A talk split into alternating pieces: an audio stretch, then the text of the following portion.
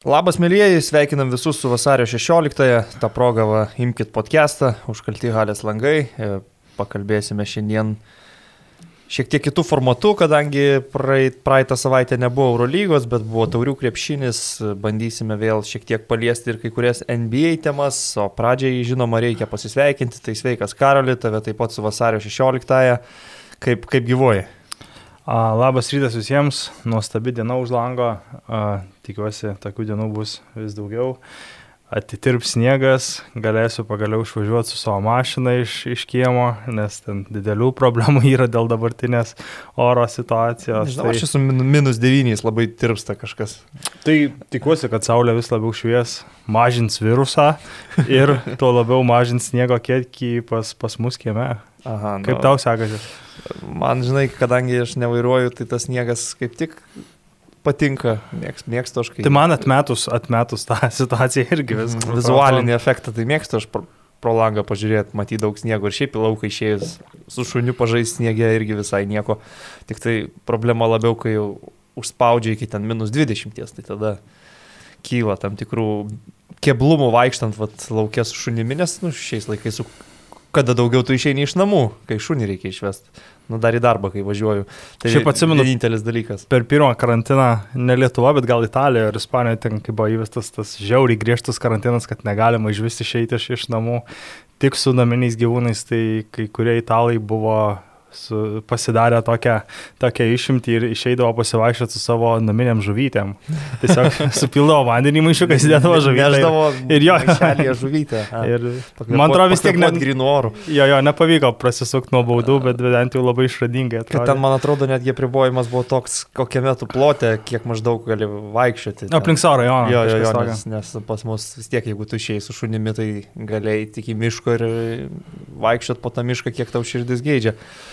Gerai, tai e, kadangi visada turim šiokį tokį apšilimą prieš krepšinio diskusijas, tai šiandien aš manau galima pakalbėti apie tai, kas dabar yra, na, pas mus kiekvieną kišenį arba šiuo atveju pas mus abu ant stalo ir tai, ką visada žmogus įsitraukia, kai neturi ką veikti arba bando nepakelt akių, kad nesusidurtų su kokiu nors žmogum, kurio nenorėtų sutikti viešajame transporte arba poliklinikoje laukiant eiliai pas gydytoją. Išvengti ne, nejaukios tylos. Išvengti taip nejaukios tylos arba nejaukaus pokalbio.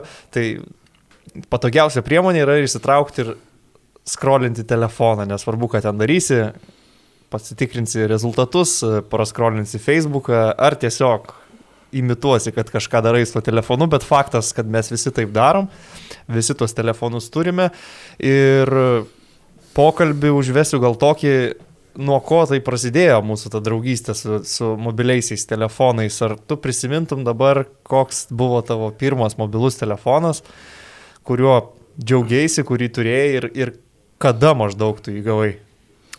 Man atrodo, ta visa mada atėjo maždaug apie 2002 metus, vasarą, ruduo. Ir e, tada ir prasidėjo tas telefonų bumas, atsidarė tuo metu dar mažai veikiantis tel, teledu ryšys, bent jau Lietuvoje jis buvo labai sunkiai pasiekiamas, nors, nors e, parduotuvė jau ir veikia. E, mano pirmas telefonas buvo Motorola V100. Labai rekomenduoju visiems pasigūglinti, koks tai telefonas. Gerai, aš galiu pamatyti spėčią, turėtų būti gal toksai pailgas mėlynas su antena, ne? Jis mėlynas su antena, bet jis buvo toks kaip kompas mažas, kai taip atsidarai ir ten gali su pilna klava. Atlenkiamas. Jo, toks uh, Blackberry prieš, prieš, prieš Blackberry. Aplenkęs laiką truputėlį. jo, jo, bet jo didžiulis minusas buvo tas, kad su juo nebuvo galima skambinti ir kalbėti be ausinių. Mhm. Uh, tai iš esmės visur turėdavai nešiotis ausinės, bet su tom ausinėm nelabai ką turėjai daryti, nes galėjai daryti, nes ten nei muzikos įsikelsi į tą telefoną, nes ten tiesiog netelpa. Tai radija gal bent? Man atrodo, traumdavo. nebuvo net ir radijos, tai ausinės reikėdavo nešiotis vien tam, kad galėtum kalbėti. Tai ta prasme, jeigu tau pradeda skambinti. Turi įsikišti ausinės. Įsikišti ausinės, atlenkti ir tada gali atsiliepti. Jo, paspausti, tada gal gali ir už, užlenkti, bet, bet žiauriai. Skamba labai nepatogiai, man atrodo, jau geriau tada grįžti namo iš stacionaraus telefono paskambinti tam žmogui. Nu, labai daug dėmesio susilaukus to telefono, man atrodo, toks ir buvo tikslas tuo metu, kai man buvo 14 mhm. ar net 13 metų, tai bent jau tiek pasiekiau, bet uh, patogumo atžvilgiu jis buvo tragiškas. Nu, mano pirma pažintis su mobiliuoju telefonu buvo Nu, sakyčiau, kokie gal 97, 6 Ai, metai. nu. Tai nebuvo man, mano telefonas, bet mano mama gavo iš darbo milžinišką Nokia, į kurią dėdavosi pilna visa SIM kortelė, ne išlūptas tas gabaliukas, Ai, bet visa SIM kortelė. Ištrauki bateriją, didžiulę bateriją, po tą didelę. Čia kaip taksofono Taip, po tą kortelė. didelę bateriją įstatai visą pilną kortelę, bateriją atgal uždarai ir tada turi telefoną. Kuo jisai jokingas, nu, tai aišku, visi telefonai tuo metu buvo dideli labai. Nu, tai normalu, ten jų į kišenę neįsidėsi jos, reikia ten rankinukė nešiot ar kupriniai. Bet jokingas yra to, kad, nu, jisai milžiniškas, bet jo ekranas yra va toks. Ir ten Kaip pagerio. pa parašyti žinutę telpa kokie ten, nežinau, 20 simbolių maksimum ar kažkas tai tokio, bet mano mamai ten jisai buvo reikalingas darbo reikalais jį skyrė, tai ten būdavo gal vienas arba du skambučiai per savaitę, bet tiesiog kad duodavo į pačiupinėt, pažiūrėt, kaip jis atrodo, ten pamaigyt kažką, kažkokių funkcijų jis ten be skambinimo daugiau kaip ir neturėjo. O pirmas telefonas jau, kurį aš gavau, tai man jį tėvai padovanojo, irgi, kaip tu sakai, 2-2, tai aš, aš sakyčiau, irgi buvo panašus kažkur laikotarpis 2-3 gal labiau net. ket- Man kažkaip ketvirti. atrodo, kad per, kai lietuviai laimėjo auksą, aš jau turėjau telefoną 2-3. Nu, Nokia 330 buvo ta pradžių pradžia, turbūt, kai jau visi, iš, kaip sakant, mokyklai turėdavo telefonus arba didesnė dalis. Arba dar prieš Tai- tai buvo Siemens A35. Siemens A35 buvo tas papigiai kur gali, pigiausias variantas iš, iš visų. Bet mano buvo Siemens C35. Jisai Na, toks truputėlį pažengęs labiau už A35. Mėlynos spalvos, toks gan nedidelis, storas, bet mažas, toks suspaustas, ekraniukas jau visai patogus. Um, turėjo gerą labai žaidimą, kurį man patiko kapot rezultatus gerinti. Balloon shooter vadinasi, balionus šaudyti, tokį vaizdą iš pavadinimo reikėjo. Tik tiek, kad um, man tą telefoną nupirko, padovanojo su abonementu. Mhm. O aš rašydavau tikrai gerokai per daug žinučių, nei reikėtų rašyti ir tas uh, ten abonementas turėjo kažkokį limitą. Tai vieną kartą privariau šimto kažkiek tais litų sąskaitą, O vaikyti. buvo konfiskuotas iš manęs šitas Siemensas. o paskui jau būdamas savo rankiškesnis truputėlį paauglys ir turėdamas kažkiek jau kapeikų, tai tu- turėjau Nokia 330 legendinę. Bet reikia pasakyti ir tai, kad tais, aš nežinau kaip palitui, bet tais laikais, pavyzdžiui, aš gyvenau Lasdynų mikrorajone. Labai populiarus Tai dalykas nieko keista, buvo, kad nežinai kaip valytai. buvo vokt telefonus. Tai aš esu du praradęs per visą savo karjerą mygtukinius tos Nokia telefonus, nes prisistatė tamsesnių paros metu keli veikėjai ir, ir, ir pavogė, bet man labai jokingas buvo dialogas, kai iš manęs vogė telefoną, jie iš, iššoka taip iš kampo ir sako, žiūrėk, žiūrėk čia tas, kur petardą mums į balkoną įmeti, kur šunį mūsų susprogdino. Ir tada atseit radė pretekstą prie manęs, prie jį Mhm. sako, girdi, nebesprogdink petardų, jeigu rasim petardų, atimsim, sakau, nesprogdinu, neturiu. Tada apieškojo, rado telefoną, pasiemė ir tiesiog pabėgo. Man šiaip didžiausias išpolis prieš mane, koks yra nutikęs, man atrodo, buvo, kai aš prieš kokius dešimt metų naujamestį, man atrodo, nešiau butelius priduot. Ir mane, prie manęs turėjo du tokie veikėjai irgi ir sako, ar turi porą litų, ar ten, ar turi parūkyti. Sakau, tai aš butelius nešu, iš kur aš turiu litų ar parūkyti. Ir tada vieną prasileidau, bet butelių netėmė. Tai... A, likai su buteliais. Jo, jo, Ai, tai čia gera menkas istorija, gerai Tai- baigėsi. Tik, tai lietui tu nori pasakyti, nevogdavo telefoną? Ne, gal ir vogdavo, bet man iki mokyklos būdavo maždaug, esu gal nubėgęs per 40 sekundžių nuo namų durų Aha. Iki mokyklos, tai ten nelabai būdavo ploto apvogti. Ok, ok. Nu va, bet nuėjom tolimą kelią nuo didelių Nokijų ir atlenkiamų Motorolų iki va dabar kokių tik tai nori išmanių telefonų, į kuriuos telpa viskas, kurie atlieka visas tau reikalingas funkcijas. Ir vat man, pavyzdžiui, per podcastą netgi pakanka pilnai telefono, užuot atsinešus kompiuterį. Man gal irgi užtenka telefono, bet aš nemoku taip paslėpti žvilgsnio informacijos iškojimų kaip tu ir būna labai daug neigiamų komentarų. Tai man atrodo, tiesiog paprasčiausiai yra akivaizdų variantą atsinešti. Tai aš esu keliam žmonėm ir atrašęs ir šiaip prašyčiau nustot kritikuoti e, Karolį dėl to, kad jis pasižiūri į ekraną, nes tai nėra dėl to, kad jis ten darbą dirba atsinešęs kompiuterį ar šiaip srautą kažkokį prižiūri podcast'ui. Mirko, Podcast'ui reikalinga rezultatus pasitikrinti, į statistiką pasižiūrėti, patikrinti gal faktus apie kažkurį žaidėją, atsidaryti jo Wikipediją, nu daug visokiausių dalykų. Ne pas visus į galvą sutelpa tiek daug rezultatų, šitoje vietoje gal turiu pasigirti, kad labai gerą atmintį turiu ant sporto įvykių rezultatus įsimint, kas kada ką padarė, kada, kada, kada kuriais metais kas įvyko, tai tikrai gerą atmintį šitiem dalykam turiu, gal dėl to iš dalies man ir mažiau tenka pasižiūrėti į tą ekraną. Šiaip aš irgi metu. jaučiuosi, kad turiu gerą atmintį, bet matyti ne tokią gerą ir man reikia kompo. Normalu, čia buvo labiau replika tiem, kurie gal kartais nepatenkinti, kad e, į kompiuterį žiūri, kol čia aš kalbu. Kartais gal tiesiog neįdomu, ką aš kalbu, tai reikia žiūrėti net kompiuterį. Net, net mes. Jo, net mes kaip šito varianto. Gerai, galim prie krepšinio ar paruošiai kažkokių tai dar staigmenų. Judam. judam prie krepšinio ar ne. Tai taurių savaitė, kaip minėjau, buvo be Eurolygos, e, taurės žaidė didžioji dalis šalių Europoje, bet yra aišku ir vieninga lyga, kuri išnaudojo šitą langą savo žvaigždžių savaitgaliui, kur Vitalijus Fridonas spindėjo ryškiausiai. Bet gal mes daug neskirsim dėmesio vieningos lygos žvaigždžių dienai, aišku, smagu, kad ten dalyvavo lietuviai, smagu, kad ten Mantas Kalnėtis sukūrė gražių epizodų, bet pradėkim vis tiek nuo savų reikalų, nuo savo daržo, nuo Lietuvos, karalius Mindaugo taurė, panevežyje. Taip gal tiesiog paklausiu, kokį įspūdį paliko tau visas renginys? Ne tai, kad atskiros kažkurios rungtynės, bet visas renginys įvertinant net, net nesakyčiau gal paties krepšinio kokybę, bet renginio kokybę. E, renginys buvo geras, renginys buvo toks, kokį, kokį matyti geriausiu atveju ir galėjo LKL suorganizuoti. Buvo visko, buvo tas ekranas, e, buvo pertraukose užimami žiūrovai, žiūrovai nebuvo įleidžiami. Žaidėjai tą prototo? Ne, ne, nežaidžiau, nes e, šiaip e, anksčiau žaisdavau, bet kažkuriuo metu mane LRT užblokavo savo Facebook'e, tai aš net teoriškai negaliu laimėti prizo, nes ten reikia būti palaikinus LRT puslapį, o kai tave Facebook'e užblokuoja puslapis, tai tu negalėjai palaikinti. Tai kažkada ištryniau appsą ir to ir baigėsi šitą istoriją. Ok, tai žodžiu, visa programa, renginys paliko gerą įspūdį, ar ne? Televizijos transliacijos jo, aš kokybę. Į krepšinio kokybę per daug dėmesio net nekreipiau, žiūrėdavau daugumos rungtynių po pusantro, iki dviejų kelinių. Uh, ten vyko iš esmės tai, ką, ką buvo galima nuspėti, kad vyks.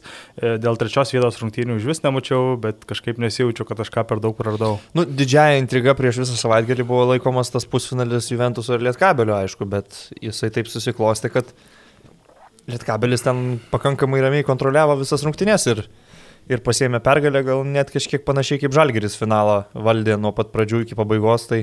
Jo Lietkabelis gal net lengviau laimėjo, žiūrint į rezultatą, negu Žalgeris. Net jo Žalgeris su Neptūnu 30 minučių turėjo vargo, bet po trijų kelinių lygų buvo beros, tai reikėjo, na, nu, aišku, ten jeigu kas nors žiūrėjo rungtynės taip jau atidžiai, tai nebuvo jausmo, kad Žalgiris gali krist šiandien prieš Neptūną. Bet... Žiūrint aklai į rezultatą. Jo, bet jeigu žiūrint tik į rezultatą, kažkiek galėjo susidaryti įspūdis, jog Žalgiriui svyla padai, bet, nu, jie net ir turėdami prastesnės rungtynės vis tiek laimėjo 12 taškų skirtumų. Jo, Čia... Žalgiriui užtenka uh, tauriai sužaisti net ne geras rungtynės ir net ne vidutiniškas rungtynės.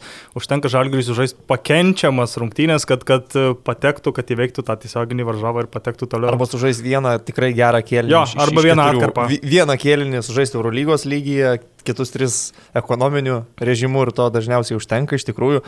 Na, finalą jau žaidė tokį, kur skirtumas 7 taškai gale jau, bet realiai tas žalgerio pranašumas akivaizdus nuo pirmų atakų. Irgi jokių minčių, kad ten Lietkabelis kūrė intrigą ar, ar galėjo laimėti finalą, bet nelabai ne, ne gal ir verta kalbėti apie tas atskiras rungtynes, kai Viska, viskas yra kaip ir akivaizdu, gali ten anonsuoti intrigą ir, ir taip toliau, bet nu, viskas yra aišku šituose ketvirtuose, tiesiog klausimas yra trečios vietos ir vieno pusfinalio. Tai tas pusfinalis Lietkabelio pergalingas, jie išėjo į finalą savo tikslą įvykdė, Juventus, aš manau, irgi per daug skūstis neturėtų, trečia vieta, Neptūnui objektyviai pagal šio sezono pajėgumą vien jau patekti į finalo ketvirtą irgi buvo e, normalus geras pasiekimas. Tai tie gal apie tas užimtas vietas, e, tritaškių konkursas, aišku, yra kitas akcentas. Andrew Gaudelokas e, paėmė titulą, bent jau tokia va ta titulo vagystė susiklosti šį kartą Vilniečiams, kad amerikietis tikrai labai solidžiai ir profesionaliai sumesdamas visas serijas laimėjo šį prizą, bet visos kalbos sukosi ne, ne apie nugalėtojo Gaudiloko, vis dėlto apie Artūro Milaknio pasirodymą.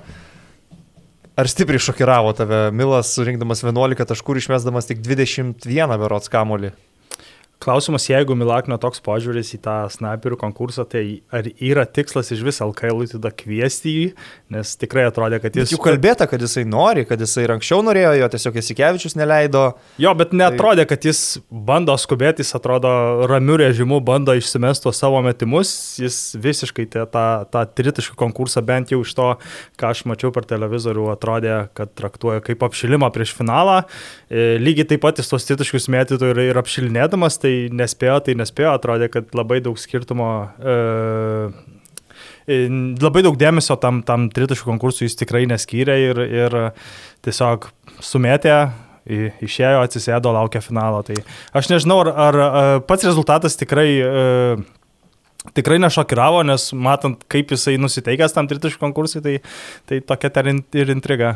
Nu, bet šiaip vis tiek, aš galvoju, kad turi sugebėti išmesti visus tos 25 kamuolius per, per minutę laiko ir nu, negali čia nurašyti ant to, kad pas jį metimo rutina lėtesnė ir jisai kitoks metikas, bet na, jeigu tu turi konkursą, jau esi jame anksčiau dalyvavęs, vadinasi, gali išmesti tos kamolius per, per skirtą laiką. Tai... Jeigu jis matė maždaug trečiam, trečiam tam rekę, kad, kad jis jau nebespėjęs turėjo, tai nu, paskubinti savo metimo techniką, jis visiškai neskubėjo, jis ramiai išsimetinėjo tos savo metimus, net ir ramiai išsimesdavas uh, tik tai apie pusę jų pataikė. Tai... Jo, 11.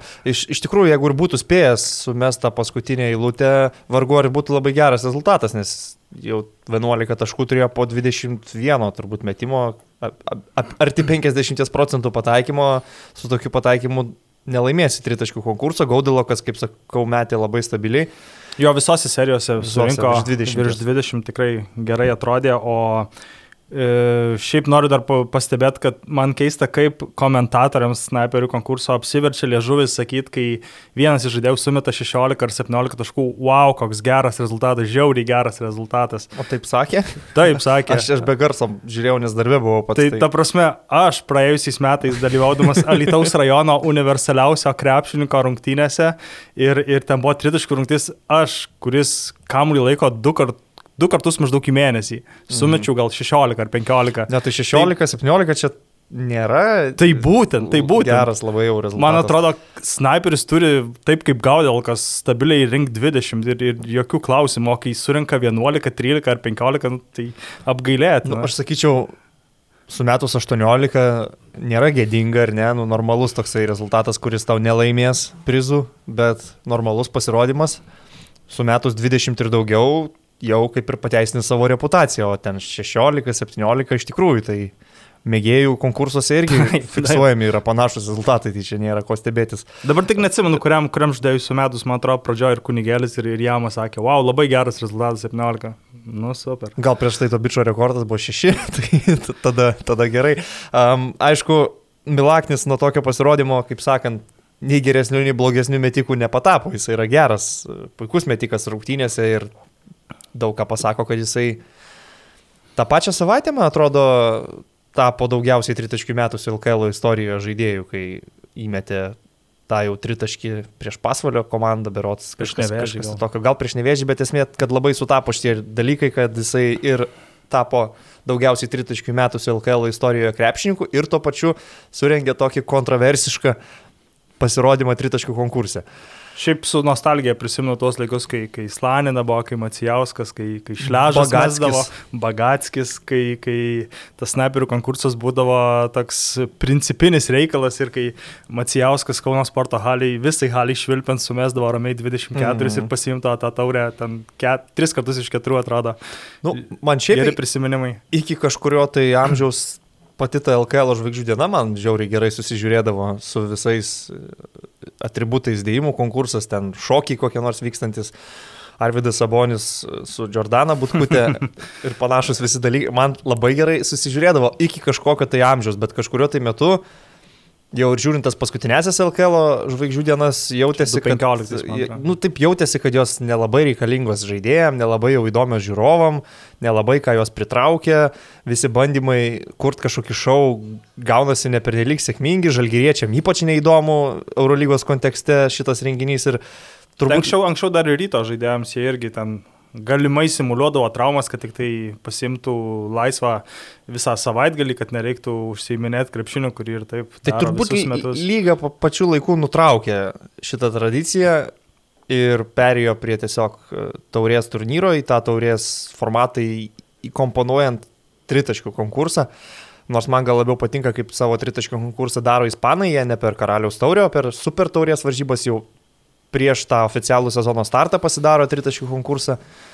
Bet okei, okay, mes, turim, mes turim tokį formatą irgi yra smagu, tritaškių konkursą visada įdomu pažiūrėti. Aš O- tik nesuprantu, LKL, kam reikalingos tos trys atskiros serijos, kodėl neperimamas pavyzdys, pavyzdžiui, iš, iš NBA ir iš kitų turnyrų, kur sumeti pirmą kartą visi žaidėjai po kartą ir tada, tarkim, trys ar keturi geriausi sumeta po antrą kartą ir užsidaro, nes dažnai tie geriausi rezultatai būna pusfinalyje, o trečią seriją metant, ypač jeigu kai kurie žaidėjai dar pratesimą metė tarpusavį, tai atrodo, atrodo jaučiamas toks nuovargis ir, ir trečia serija dažnai būna net prastesnė už pirmą arba antrą. Gal nebūtinai šiuo atveju, bet man atrodo primtinesnis yra NBA snaperio konkurso variantas. Tris serijas per tokį trumpą laiką tarpą išsimes tikrai yra reikalų ir ranka pavarksta, aš, aš niekiek to nebejoju. Bet, kaip sakau, Andrew Gaudalokas parodė, kaip galima stabiliai mesti ir tris serijas ir jokių ten bangavimų pas jį nebuvo, labai ramiai. Ramių veidų pasiemė tą prizą, bet be didelių emocijų atvažiavo į Panevežį ir bent jau tiek pradžiugino Vil Vilniaus ryto klubo fanus, kadangi pat, pačios komandos finalo ketvirtį šį kartą nebuvo. Na, Panevežį įvyko, bet tai namų sienų nepavadinsi, kai nėra ir galių, tai čia panevežio lietkabeliui gal nenuskilo, kada šiame mieste Cido arenui nebuvo surinktas niekada KMT anksčiau, Žai- žaisdavo Vilniuje, Kaune, Klaipėdoje ir turbūt Ir viskas. viskas, Viskas jo. jo. Kitose miestuose nebuvo. Du kartus Vilniuje. Panevežyje yra, yra vykęs, tuo metu darė Lietuvos krepšinio federacijos taurės. Ai, ten kur geras buvo. kur Lukauskis nužudė Žalgerį. Ten rytas Jo. grįžo gal nuo minus 15, trečiam keliniui. Taip, taip. taip. Žalgiris labai gal buvo atsisveikinęs su legionieriais, iš esmės žaidė tik tai lietuviai. Taip, ten Jankūnas, Žukauskas. Kalnietis, Mačiulis. Žukauskas žaidė centru virš 20 minučių, bet Žalgiris tam finalė labai gerai laikėsi ir pabaigoje praleido skaudų tokį metimą, tai puikiai pamenu tas rungtynės. Tai čia vad buvo atvejis, kai ponevežyje vyko. Bet šį kartą be žiūrovų teko viską padengti ekranais, kaip sakant, su vi- virtualia publika, ten kažkurio metu jinai įsijungdavo. Tiek turbūt apie tą Karaliaus Mindaugo taurės renginį, aš irgi pritarčiau, kad renginio kokybė aukšta, lenkianti galbūt, ne galbūt tokį vaizdžiai, lenkianti krepšinio kokybę. Tai renginys, bet mes kalbėjom ir apie patį LKL, kad pagal tai, kiek yra skiriama dėmesio transliacijoms, transliacijų kokybei, studijoms, prieš rungtynės, po rungtynių, e, tai akivaizdžiai yra aukštesnėme lygyje nei realus produktas tai, kas vyksta ant parketo, jau pats krepšinis. Bet žiūrovams, tie, kurie žiūri Eurolygą ir žiūri LKL, nu, tai du turnyrus rodo per teleką, nelabai ten domiesi VTB Ispanijos ar ten Na, tai Italijos, aišku. Turkijos lygom, tai dvi geras lygas rodo, tai ir galvoji, kad tas wow, LKL. Tai aišku, ta prasme, kažkas tokio. Kai tu turi, tarkim, vat, Ispanų karaliaus taurę, tau pats krepšinis iš savęs diktuoja kokybę. Ir papildomai nieko gal daug ir nereikia iš tikrųjų. Kai tu turi LKL, bandai vis tiek apipavydalinimą kažkokį sukurti, pramogų papi- papildomų, investuoti pinigų, aišku, visą tai reikia, bet nu, pasiteisina mes, kaip matom, ir sukelia vis tiek ir ažiotažo, ir, ir visokių nuomonių, ir žmonėms įdomu, įsitraukia visą tai, o Ispanai tiesiog žaidžia krepšinį, turi elitinės komandas ir ten jau ketvirtfinaliai Eurolygos komandos susitinka tarpusavyje. Tarpusavyje. Taip, nu, tai žinai. Uh, galim gal ir perėti turbūt prie Ispanų karaliaus taurės. Galim bandyti. Bandyt, žiūrėsim kaip išeis. Neišeis iškirps. Uh, jo, tai Ispanų karaliaus taurė stengiausi pasižiūrėti, kiek išėjo. Nepavyko tikrai pamatyti visų rungtynių dėl darbų savaitgalį, bet ketvirtfinaliai patogiai buvo vakare penktadienį. Uh, Ir ir ketvirtadienį. ketvirtadienį jo savaitgalį finalas. Tai apie viską gal truputėlį taip nuo pradžių.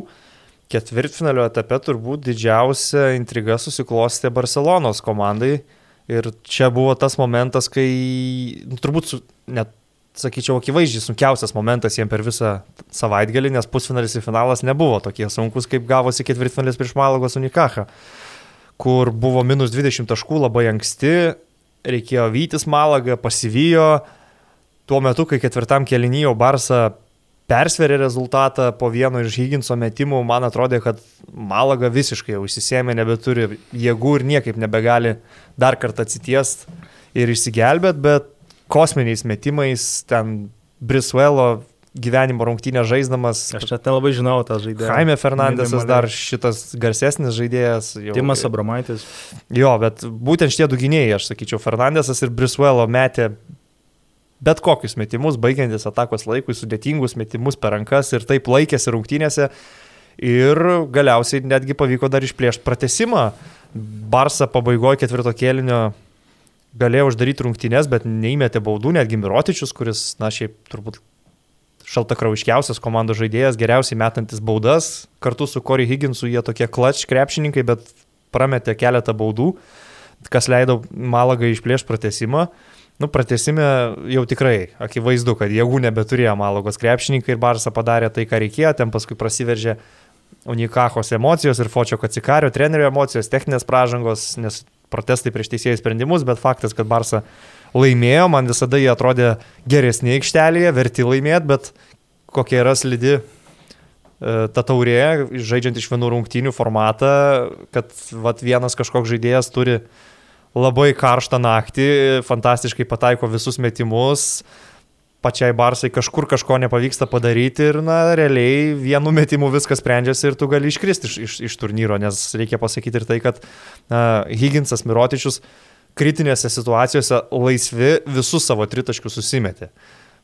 Plius labai gerai buvo ten išnaudojami mismečiai, protingai žaidžiama po pertraukėlių, per Mirotičių, per Deivisą, provokuojamos pražangos, atakuojamas Alberto Diesas, kad būtų susikeitimas ir jisai negali be pražangos ten apsiginti arčiau prie krepšio, tai visą šitą labai gerai darė Barsa. Malaga žaidė labiau chaotišką krepšinį, bet nu kiek, tiek va trūko, kad laimėtų ketvirtfinalį ir būtų tikrai nemaža sensacija. Ir žaidžiant tokio formato rungtynės, ypač kai žaidžiama maždaug per 48 valandas, 3 rungtynės, akivaizdu, kad vienos iš tų rungtynių gali nepait, bus labai sunkios, tai Barsai būtent sukrito penktadienio vakarėtos rungtynės ir kalbėjau jau praėjusią savaitę apie tas labai sunkias Barsos atkarpas dažnose rungtynėse, tai čia buvo lygiai tas pats pirmam keliniai. Barsa nei apsigina, nei užpuola ir pralaimė atkarpą 4-25 nuo Unikachos 4-25. Mm. Taip pat lygiai tas pats kartojasi ir, ir, ir pusfinalį prieš Baskoniją atrodė, kad, kad 20 taškų po trijų kelinių, nu, tai uždaryti rungtynės ir, ir, ir keliauk net ir pasilsėdamas kažkiek į, į finalą su realu, bet nieko panašaus nebuvo, vėl pralaimėta atkarpa ketvirto kelino pradžioje 2-18 to, tos baisios Barsos atkarpos, jos aišku būna visoms komandoms, bet e, man atrodo, kad e, gal kažkiek kitoms komandoms būna, kad tiesiog neužpuolė arba tiesiog neapsiginė, bet kitoje aikštės pusėje viską darai gerai, bet Barsai būna tos atkarpos, kai nei užpuolė, nei neapsiginė. Ir e, akivaizdu, kad e, tai ir bus vienas iš tų dalykų, kurį Jasikevičius akcentuos ir ateityje, ir ypač e, galbūt svarbiausią sezono trofėjus Eurolygos finalo ketvirtį ir spręsis, ar Barsa turės tokią klaikę atkarpą pusfinalyje arba galimai finale ar ne. Ir dar kalbant apie rungtynę su Unikacha, tai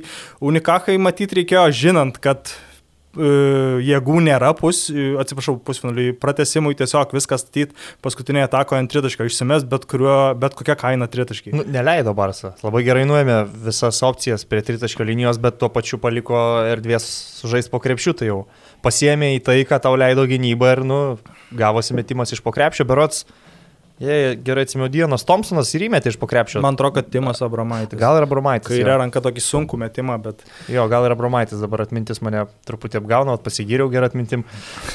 bet šiaip, šiaip Malagos Unikacha tokia solidi Eurokapinio komanda, pasižiūrėjus tas pavardės, Abramaitis, Dienas Thompsonas, Karlosas Varesas, veteranas, Jaime Fernandesas, toks neblogas žaidėjas, nu, visai gera Eurokapinė komanda pasipriešino Barcelonai, o paskui, kaip ir tu sakėjai, kiti etapai gavosi gerokai lengvesni, abejos rungtynės stipriai kontroliuojamos, pusfinalis su Baskonija, nuo pat pradžių atimti pagrindiniai baskų ginklai, tai jų greitas polimas, tritaškiai, išgaudyti visiškai snaiperiai, finalas su Madrido realų lygiai taip pat, Barsa plus 22 susikrovė per pirmus du kėlinius. Buvo realo šioks toks bandymas grįžti rungtynės, bet mm, Bars atsilaikė be, be labai didelės intrigos ir laimėjo gan užtikrintai. Ir tuo pačiu per tą finalą taip pat pasirodė, kad va dabar šiuo metu šitoje sezono stadijoje tiesiog Barsas yra žymiai geresnės kondicijos komanda nei realas. Su visom savo problemom, labai sunkus metai tikrai realui, traumos, kampatsų išvykimas,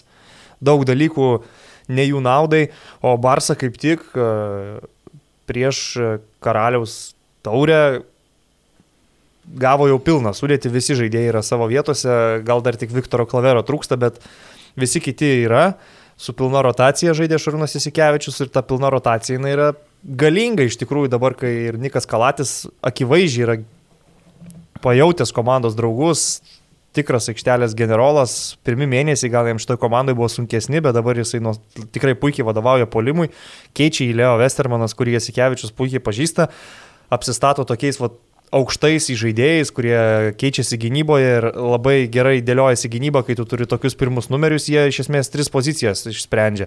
Ir kiti žaidėjai su savo asmeninė ir komandinė gynyba, Higginsas, Hanga, Davisas, elitinis centras ginantis prie tritaškio linijos po susikeitimo, tai kai visi dabar yra savose vietose, plus Mirotičius, aišku, fenomenalaus talento žaidėjas, tai Barsa tiesiog yra geresnė už Realą, ne, ne tai, kad laimėjo tą vieną finalą, tas vienas rungtynės, bet tiesiog atrodo žymiai geresnė komanda už, už Realą. Aš tikėjausi, kad bent jau tai, kad, kad Realas e, žaidžia namuose, kad turėjo vieną papildomą e, at, poilsio dieną, galvau, gal bent jau tai įneš kažkokios papildomos intrigos, bet daug šansų nebuvo ir aišku, reikia paminėti, kad šią savaitę Žalgiris žaidžia prieš Barsą, kitą savaitę Žalgiris žaidžia prieš Realą. Būtent prieš abu ispanų grandus.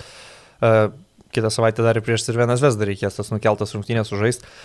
Tai va, tai pirmasis Jasikevičiaus titulas su Barcelona. Uh, emocijos po Švilpuko buvo tikrai stiprios, matėsi, kad žaidėjams tas titulas daug reiškia. Visi buvo labai patenkinti. Barcelonai tikrai trofėjai vietinėme fronte yra svarbus, nes įman tai paskutinius nu, kokius aštuonius metus, tai Realas gan akivaizdžiai dominuoja Ispanijoje, nors kartais karaliaus taurė nugriebdavo Barcelona, bet realiai pagal titulus Realo šešėlėje, tai bet kuris trofėjus yra svarbus. Tas matėsi. Ir nu, net ir, net ir praėjusiais metais uždarant tą Ispanijos čempionatą galėjo bent jau įsirašytą tą Ispanijos lygos, jo, trofėjų stil, gražiai atrodytų met, met, metraščiuose, bet, bet sugebėjo nenuleisti, o tiesiog pralaimėti. Pabaigą pralaimėjo Baskonį tada. Tai va, tai taurė tikrai yra svarbi katalonų klubui ir matėsi tai iš paties įsikevičiaus emocijų. Na, bet kaip jis pats sakė, šiandien pašvesim, pasidžiaugsim, o Toliau Eurolyga, tai šitas titulas yra tik tai kelio pradžia ir viskas aišku, kad vidury sezono, kaip sakant, svarbiausi titulai nėra iškovojami. E, susitiks dabar Eurolygoje dvi taurių laimėtojai Žalgiris ir Barcelona kaip tik e, šį ketvirtadienį. Iš Europos taurių turnyrų ar kažkas dar nusipelnė tavo dėmesio, ar kažkas tau atrodo verta paminėjimo. Aš dar žinau, kad tu mėgsti pasiekti ten, kas vyksta ir kitose šalyse, ne tik Ispanijoje. Bosnijos ir Hercegovinos. Jo, Bosnijos ir Hercegovinos taurės, Kosovo pirmenybės. Aš šiaip norėjau paminėti, kad prieš, prieš du metus, ar gal ir pernai, e, buvo toks atvejis, kad e, Basket Newsai, man atrodo, ar, ar net ir visi žurnalistai kalbino Jasikevičių praėjus dviem dienoms po, po KMT trofėjus, tai yra labai į, į, įdomu, įdomu likus nuotrauka, tai gaila, kad Ispanijos žurnalistai po, po karaliaus taurės nepakalbino kitą ar dar kitą dieną Per Zoomą gal spaudos konferencijos, tai... Tas užtinimas toks la, la, labai akivaizdus ne, nu, matėsi. Jasikevičius reikalauja visada maksimumų aikštelėje, bet visada reikalauja ir mokėti gerai atšvesti. Tai faktas, kad švesti titulus reikia. Ir aš niekiek nebėjau, kad Barsas šventė, bet tas šventimas turbūt jau šiandien yra baigtas. Turi pradėti ruošti žalgiriui. Lygiai taip pat žalgiris pasidžiaugęs kukliai karalius Mindaugo taurės titulu ruošiasi žaisti su Barsa. Tik tai, kad labai skirtingos tos yra emocijos, e, kai Barsa kelia titulą ir kai Žalgeris, nes Žalgeriui laimėta taurė, nu, įvykdyta pareiga, atsižymėjai, kad padarai tai, ką turi padaryti, tikrai ten nepradėsi labai laistyti. Jo, čia gal toks nedidelis stresas, tiesiog nusėjima, kad įvykdai tai, ką, ką, ką turėjai įvykdyti, kad, e, kad užsidėjai čia, ką ten, kur turėjai užsidėti prieš sezoną, o, o Barsai reikėjo kovoti dėl tos taurės. Taip, reikėjo įveikti dvi Eurolygos komandas, reikėjo įveikti vieną stiprią Eurocapo vidutinio pajėgumo komandą, tai sunkus kelias ganėtinai. O šiaip iš kitų lygų, kai manęs klausy, tai turbūt įdomiausia kova vyko Serbijoje, ten ta taurė vis dar vadinasi Radivaus Koročio taurė, anksčiau tai buvo tarptautinis turnyras, dabar Serbija pasisavino to, to turnyro pavadinimą savo ir įdomiausia kova, aišku, vyko pusfinalį tarp Partizano ir Zvezdos, ta pati Zvezda, prieš kurią Žalgeris, kaip jau sakai, žais kitą savaitę, tai Zvezdai pralimint vienu tašku ir, ir turint kamulį gale buvo prasižengta prieš Davido Vacą visiškai lygioje situacijoje, Davido Vacas net neturėjo kamulio, ten e, Jaramazas partizano e, jaunas įžaidėjas išlindinio iš užtvaros, visiškai lygioje vietoje prasižengė. Ir, ir Davido Vacas Žalgiro buvęs budelis sumetė, sumetė abi baudas, e, partizanas paskutinėje atakai e, pakliuvo į tokį chaosą dėl kamulio kovojant ir, ir nepelnė taškų, tai ten bent jau buvo tokia įtempčiausia pabaiga tarp, tarp dviejų tokių istoriškai e, prie, prie, priešingų komandų. Mhm. Tai nieko Kiprė Albanija, tai man atrodo, labai mažai kur vyko tos taurės, nes VTB nežaidžia taurės, nei prancūzai, nei vokiečiai nežaidė taurių, vokiečiai žaidė net du turus savo vietinio čempionato, mhm. turkai irgi nežaidė taurės ir, ir mažai Italai. tos taurės ne? vyko. Itali, Italijoje Armaniai pakankamai ramiai pasėmė trofėjų, net ir, net ir pusmeliai buvo anonsuojama, kad galima būtų susitikti su, su Bolonijos Virtus ir ten turėti šiokią tokią priešpiešą, bet Virtusai net nepateko į pusfinalį. Mhm. Supratau. Tai galima sakyti kažkiek nuvilintis taurų savaitgalis. Nu, bet vieningos lygos žvaigždžių diena daug ką kompensavo ir pačiam mačiau didelį įspūdį padarė, kad Janis Blumas įtrauktas į VTB šlovės muziejų, ar ne? Jo, kartu su, kartu su e, Nando Dekolo, dar su kažkuriais ten žaidėjais ir šiaip jau turiu lengvą in ar out rubrikos klausimą šiuo, Prašau. šiuo atveju, kadangi VTB įtraukė e, Kailą Heinzą, Nando Dekolo, Nando Dekolo, e, Janį Blumsą ir Romaną Skvorcovą, tai yra Match TV televizijos komentatorius ir jis komentuoja VTB lygos rungtynės. Tai kaip manai, VTB lygos rungtynės komentuojančios Sport 1 žmogus Aurimas Budraitis. Kaip manai, jis yra pakeliu į VTB šlovės muziejų? Nu, tai jeigu Aurimas yra, tai tada ir Gintaras Bražionis kartu. Abu komentavo, jo, tai... va, ir, ir Karaliaus taurė, tai ir vieninga lyga. Tai tu esi in. Be abejo, vienareikšmiškai. Aš, aš pritariu. Vienareikšmiškai. Tai Šiaip mane nustebino, kai tu parašai tą paustą, ne tai, kad Janį Blumą įtraukė į kažkokį muziejų, kad apskritai tas muziejus yra dalykas. Aš, aš buvau anksčiau girdėjęs, kad jis egzistuoja. Tai... Aš tai pirmą kartą nuoširdžiai išgirdau, kad tai yra. Įdomu, ar Kailas Heinzas žino, kad jį įtraukė į kažkokį šlovės muziejų, jį informavo gal. Pranešė. Gal atsiuntė kažkokią taurę. Jo, geras. Fridono 57 taškai, aišku, Ramių veidų. MVP apdovanojimas fiziškai be problemų, priminė apie save šis sniperis. O kaip skirtingai susiklostė savaitgalis dviem veteranam sniperiam Eurolygos Milaknio katastrofiškas pasirodymas tritaškių konkurse, o Vitalijus, prašau, kaip jaunystė prisiminė. Šiaip nemačiau highlightų, gal net įdėjo į kažį. Mačiau, kad kalnėtis įdėjo, bet... Nu, kad Fridzonas įdėjo. Ar jis ar jis dašoka, jo, jo. Ar jis apskritai pašoka kada nors dar šiais laikais? Jisai geriausiais laikais atsiplėždavo nuo grindų vos vos, kad išmest tą tritaškį. Tai... tai kaip Songaila. Nu tik tai čia mes kalbame apie atakuojantį gynėją, žinai. Gerai, tiek apie vieningą lygą, aš manau, pasižiūrėkime į Eurolygos tvarkaraštį šią savaitę. Pristatėme jau, aišku, Kauno Žalgirio rungtynę su Barsa išvykoje.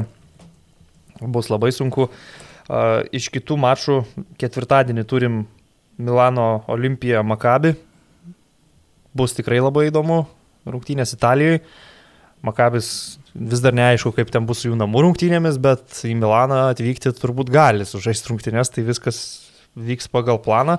Taip pat ketvirtadienį Himki Baskonija, Nadolų Olimpijakos. Mažiau gal viliojantis pasiūlymai, sakykim taip.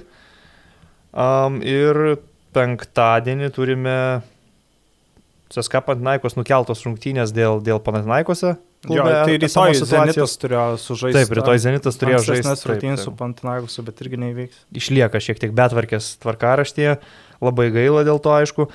Fenerbahčia Alba, Zvezda Zenitas, Osvelis Bayernas, Valencija Realas, penktadienio programa, sakyčiau, tokia vidutiniška, lengvesnė, softas toksai.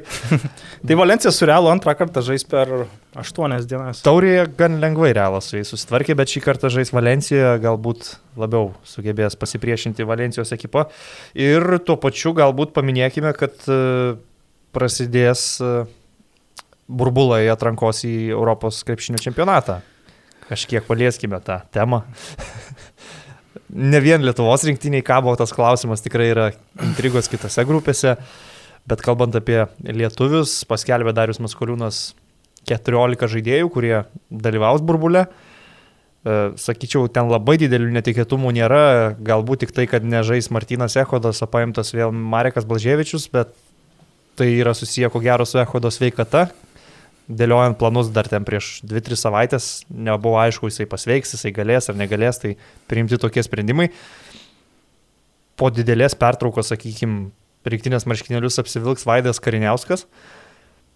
Kaip bebūtų, pagal šio sezono demonstruojamą LKL formą, nu jis to yra nusipelnęs to kvietimo, juo labiau, kad Dariumas Koliūnas, šis vaizduoju, bus labai tinkamas variantas turėti du tokius gan aukštus žaidėjus, Kalnietį ir Kariniauską su kuriais lengviau yra paruošti komandinę gynybą, jų nereikia kažkaip tai slėpti gynyboje, jie gali gintis per tris pozicijas, gali keistis ginamaisiais ir vienas kitą neblogai pakeisti, nes matėm anksčiau atrankos languose, kad kai kalnietis atsisėda ant suolo, būna absoliutus chaosas aikštelėje. Kol kalnietis žaidžia, tarsi viskas yra kontroliuojama, tai ieškoma turbūt to patikimesnio antrojo žaidėjo. Tai Šiame, šiame vis, ne šiame lange, bet šioje atrankoje jau buvo išbandytas ir Janavičius, ir Paulius Valinskas, tai turbūt Kariniauskas pasirinktas dėl... dėl... Ir Šarūnas Vasiliauskas taip pat dabar grįžta į rinktinę. Jo, jo, jo. Jisai irgi kada jis paskutinį kartą žaidė rinktiniai, turbūt prie, do, prie, prie, ne, prie Domaičio atrankoje kažkurio, man atrodo, buvo paimtas. A, į pasaulio čempą. Jo, o rinktiniai Ta vienintelė, vienintelė žaidė 14 metais, kai be Kalniečio likom. Jo, bet tada Juškevičių ir Vasiliauską paėmė vietoj Kalniečio. Tai kad gal Juškevičių vietoje, nes Vasiliauskas tai buvo planuojamas Ai, į mhm. atsarginio. Aš va tik žinau, kad vieną vieną iš, iš tų dviejų. Gerai, dabar nepamenu, aš tik tai atsimenu, kad man tas patyrė traumą su kruatai žaidžiant kontrolinės rungtynės. Ten likus gal penkioms dienoms. Plaukus rovėmės tada, nes nu, rinktinė žiauriai. Nebuvo kito žaidėjo, nuo kurio komanda būtų taip stipriai priklausoma, kiek nuo Manto Kalniečių, kuris turi žaisti pas Kazlauską 32-35 minutės. Ir Bet visai gerai su juo. Labai turnyras. gerai su juo turnyras. Ketvirta vieta ir tiek nedaug trūko iki bronzos bronzos iš tikrųjų. Trūko iki bronzos tiesiog, kad Donatas Motyvūnas sužaistų normales rungtynės prieš prancūzus bet kažkur kitur buvo jo galva tuo metu ir gaila pralaimėjo. Ten nesugriūti reikėjo ketvirtam kilniui, nes po trijų kilnių buvo gal plus aštuoni ar nu, net. Psichologinį pagriuvimą atspindėjo ir kai Martinas Pocius jo neperspaudžiamas, nedengiamas per 8 wow. sekundės nepersivarė. Ir aišku, geros naujienos Lietuvai Liungbergas nepadėjo. Taip, Maskvos CSK gynėjas nežais Danijos rinktinėje, tai turime istorinį šansą revanšuotis Red White Danish Dynamite. Um, aišku, žmogui tai karjeros šuolis spūdingas, pereiti į Maskvos CSK vidury sezono, didelė karjeros galimybė, bet to pačiu gal ir jam pačiam kažkiek apmaudu nesužais tų lemiamų Danijos rinktinės rungtynių, nes be jo ten nėra iš vis nei vieno bent kiek aukštesnio lygio žaidėjo. Danija turi du krepšininkus - Šeivoną Šilcą ir pamiršau netgi jo vardą Lundbergą. Uh, abu negali žaisti svarbiausių šalies istorijoje turbūt krepšinio rungtynių. Tai tokia vat nemaloni situacija Danams. Ir galbūt prieš perinant iš, iš Zerono Goro, man atrodo, jis žaidė prieš tai. Mm -hmm. Galbūt ten ir pažaidėjas, ir, ir, ir agentas prašė CSK, kad arba, arba gal palaukim, kol pasibaigs tas atrankos langas, tada darom tą, tą transferą. Galbūt tai vyko, aš, aš Šiaip... tik spekuliuoju, bet uh, po to jo pasirodymo Vilniaus burbulė praeitą sykį, tai aš atsimenu labai didelius gandus, kad jo nori Krasnodaras, Krasnodaro lokomotyvas, bet Loko pasirinko Williamsą Gosą. Tai Lundbergas va dabar sulaukė savo transfero perimų į CSK. Šiaip įdomus dalykas yra tas, kad nu, jisai perina į Eurolygos klubą, klubas neleidžia jam vykti į nacionalinę rinktinę, bet tarkim Tornikė Šengelėje su CSK turi tą susitarimą, kad jisai įskrenda į Sakartvelo rinktinį ir žaidžia atrankoje. Gan, gan skirtingai traktuojami turbūt pagal savo statusą šitie du krepšininkai. Taip pat CSK dar čia taip nukrypstant atgal prie Eurolygos temos, dabar išsisprendė savo problemas, iš dalies išsisprendė Milutinovo traumą ir Maiko Jameso situaciją, pasipildė Michael Erikų vidurio polėjų ir pridėjo Lundbergą į gynėjų rotaciją. Tai žiūrėsim, kaip jam pavyks pereiti į aukštesnį lygį. Matėsi, kad žaidės individualiai labai pajėgus, ar jisai bus pajėgus taip žaisti ir Eurolygoje, dar kol kas pasilikčiau abejonę. Jo, praėjusią savaitę pasakėm, kad paskutinė komanda, kurioje Michaelas Erikas žaidė, buvo ką mes dar Šafaką, dar Šafaką jo ir Baskonė ir dar šiemetgi žaidė Turk Telekom. Jo. Um, tai va, Vilniuje vėl vyks visas atrankos burbulas, turėsiu garbės matyti krepšinį arenoje, kas retai man pasitaiko, nes, nes, nes į Kauną nevažinėjom šį sezoną į Žalgerio areną. E, pirmosios lietuvių rungtynės su Čekija, kurios iš esmės mažai ką sprendžia grupėje, vis tiek reikės nugalėti Daniją. Ten jau bus tos esminės, lemiamos rungtynės, gaila, kad viskas taip nusitempė iki paskutinių rungtynių, bet man kažkokios įtampos nėra, kad laimės ir tiek. Jo, jeigu neploš net ir nepilnos sudėties down, tai tada jau nėra, nėra ką kalbėti. Jo, ir praėjusią savaitę, aišku, paaiškėjo ne tik taurų laimėtojai, bet bent jau man, aš to nežinau, bet pasirodo, Karolis Lukošiūnas yra kandidatas į Lietuvos olimpinę rinktinę. Man tai buvo didelė naujiena. E, žaidėjas gavo skiepą pirmenybės tvarka, Tai galbūt aš per mažai domiuosi krepšiniu, galbūt, man, aš krepšiniu domiuosi visiškai mėgėjiškai, tai man nėra nei darbas, nei kažkas kita, tai galbūt e, Karolis Lukošūnas yra koks nors ten uh, žiauriai perspektyvus kūjo metikas arba, arba gimnastas, ko aš nežinau, ir jis galbūt tikrai dalyvaus, dalyvaus olimpiadoje, bet kad jis nedalyvaus su Lietuvos krepšinio rinktinio olimpiadoje, tai dėl to aš esu pakankamai ramus. Visi, man atrodo, dėl to yra pakankamai ramus, bet jeigu tu laikai kandidatus į olimpinę rinktinę 30 krepšininkų, tai į 30 krepšininkų ratą vis tiek sakyčiau. Nu, kad... Nu, gal ir patektų, nežiūrėk, tu, tu čia šito vietoje neskėpi Domanto Sabonio, Jono Valančiūno, skėpi tos, kurie yra Lietuvoje, ar ne? Tai, tai tada, man atrodo, gal patektų į 30 kandidatų. E, argumentų gauti tą skiepą turi, manau, ir visi Lietuvos žmonės. Tai aš sutinku, ir, aš sutinku, kad čia yra ganėtinai absurdiška, tai aš dėl to nesiginčiu. Tavo šitas sarkazmas, sakyčiau, pakankamai taiklus. Dėkui. Tai va, rinktinės temų liekant, nu, mūsiškiai turi pasimti tą kelialapį į Eurobasketą ir tada galima bus ramiai jau dėliotis planus, galvojant apie olimpinę atranką, kuri vėlgi dar vis neaišku, šimtų procentų vyks, nevyks, reikės jos ar ne, ar olimpinės žaidynės bus ar ne. Jo. Tai tik faktas, kad jinai yra planuojama, kad e, dėliojami vat, ir, ir tinkleliai olimpinio turnyro krepšinio Tai kaip ir vis, viskam reikia ruoštis. Bet federacija iškelia tikslą ne tik, kad patekti į, į Europos čempionatą, bet ir laimėti abi šio savaitgalio rungtynės. Tai normalu, aišku. Ja, ja. Tai galų gale, kokia būtų nuotaika komandoje pralaimėjus čekams eiti tas lemiamas rungtynės su Danija. Reikia ne tai, kad įveikti Čekiją, aš sakyčiau, reikia įveikti sužaidžiant gerai. Dar, dar tinkamų. Taip, tinkamai įveikti, kad patys žaidėjai gerai jaustųsi po rungtynių, kad sužaidė geras rungtynės. Aš manau, kad uh, du kartus užlipti ant greblio jau yra pakankamai, kad pasimokytum. Ir čia kam tas rungtynės nieko nelemia. Čia kam nieko nelemia. Lietuviam reikia dabar jau parodyti šitoje vietoje ir savo profesionalumą, ir sportinės kažkokias ambicijas, nes, nu tikrai tie pralaimėjimai belgams, danams, jie labai neskanus ir du kartus, kai lipi ant to paties greblio, jau trečias kartas būtų absoliučiai nepateisinimas, tai tikrai reikia ir pirmas rungtynės su Čekija sužaisti atitinkamai, o paskui padaryti savo darbą prieš Daniją ir ramiai pasidžiaugti iškovotų kelialapių ir tiek. Tai tiek galbūt apie tas, tas rinktinių peripetijas, neįsigilinau į kitas grupės tiek, kad šiandien galėtumėm diskutuoti. Aš manau, kad kitame podcast'e būtinai apžvelgsime, kokia yra situacija, kaip ten Latvijams sekasi, kokie jų šansai. Man atrodo, Latvijai namie renks, renks tą burbulą, Aha. tai tie šansai gal kažkiek geresni. O minėjai Tornikas Šengelė, tai irgi man atrodo, kad uh, Sakartvelas jau yra patekęs į Europos pirmenybės arba yra žiauriai arti to ir CSK, kai, kai išgyvena šiuos ne pačius geriausius laikus, tai gali būti, kad, kad Šengelė bet kuriuo atveju nevažiuos į rinktinę. Nes, ne, netikslinau už tos informacijos, bet matau, kad žais jie su serbais, tai rungtynės kaip ir rimtas, bet jeigu Sakartvelas jau yra patekęs į čempionatą, tai jos nieko tiek daug nelėmė. Serbam jos yra svarbesnės, serbai turi tik dvi pergalės, du pralaimėjimus, Sakartvelas jo keturias pergalės, tai viskas jiems yra ramu. Um, ok, NBA šiek tiek dar yra aktualijų temų, kurias galima paliest. Mes taip einam vis per komandas kiekvieną kartą, tai vis po naują kažko, kažkokią komandą aptariam. E, pabandykim gal pakalbėti šiandien ne tik apie keletą komandų, bet ir apie vieną personą. E, mes tarėmės dar iš vakar, kad truputį pakalbėsim apie šį naujoką.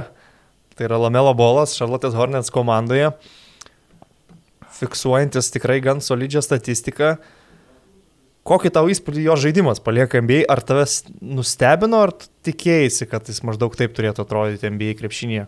Jo, žiūriu į Lamelo bolą iš tos, iš tos perspektyvos, kaip aš įsivaizdavau, kad jisai atrodys, kiek jis gaus žaidimo laiko, e, kokį įspūdį paliks jo žaidimas, tai man atrodo, ne tik man, bet ir visiems jis atrodo, kad žaidžia geriau negu, negu tarkim, buvo tikėtasi. Labai daug klausimų buvo, nes jis pasirinko tą neįprastą kelią į NBA, iš, po, net nebaigęs gal mokyklos, išvažiavo į Lietuvą, už, užsinorėjus tėvui, tada išvažiavo į, į Australiją ir aišku, ne jis vienas išvažiavo į, į Australiją. Iš praėjusių metų draftų R.J. Hamptonas irgi žaidė Australijoje ir buvo pakviestas į NBA, tai kalbant grinai apie Lamelo bolą, iš pradžių jo Šarlotė neleido į startinį penketą, bet vėliau e, jam pademonstravus, kad jis gali žaisti, kad jis gali žaisti didelės minutės NBA reguliariojo sezono rungtynėse, kad jis gali e, rinkti gerą statistiką. Šarlotė pradėjo įleisti į starto penketą ir, ir man atrodo, jis pateisina tuos lūkesčius, galbūt net kažkiek ir viršė ir šiuo atveju jis pirmauja to, tose lenktynėse dėl metų naujoko titulo ir akivaizdu, kad, kad uh, tik tik jis pats savo gali sumaišyti pasimti tą apdovanojimą, statistika yra ten, kur ji turi būti.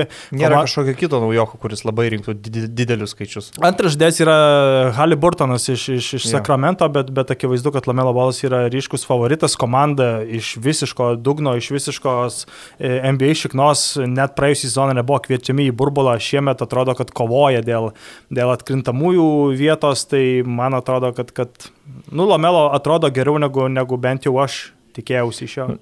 Hornets tikrai nėra šį sezoną tokie jau visiški loseriai. Normalus rezultatas 13 pergalių, 15 pralaimėjimų šiuo metu, bet aišku, tai lemia ne, ne tiek gal vienas Lamelo bolas, pasirašytas ir Gordonas Haywardas, ir kiti žaidėjai jaunesni yra padarę pažangą. Bet kalbant grinai apie Lamelo, žiūrėjau aš Šarlotės kokias 3-4 rungtynės šį sezoną pilnas. Tai rungtynės. turbūt daugiau, 3 ar 4 rungtynėm daugiau negu per paskutinius 5 sezonus. Tikrai taip, tikrai taip.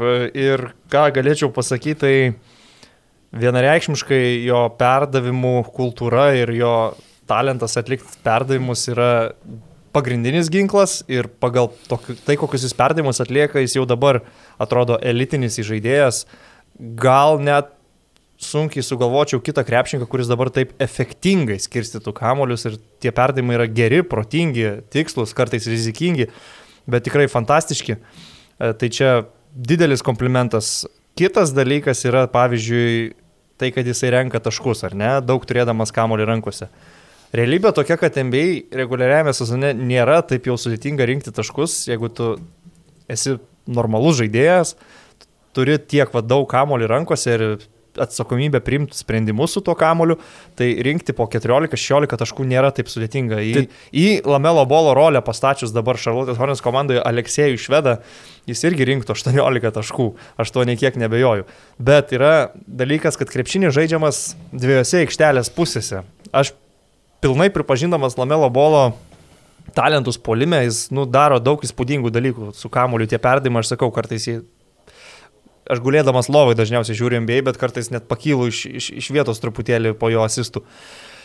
Bet, nu, tuo pačiu aš matau žaidėją, dėl kurio jam esant aikštelėje trenerių kartais reikia pastatyti zoninę gynybą, nes jisai asmeniškai neturi ką dengti tuo metu. Atrodo, plaukio kartais. E, plaukio komandai gynyboje, gemblina, rizikuojant tų perimtų kamolių šokinėje, perdavimų linijos atsikirtinėje.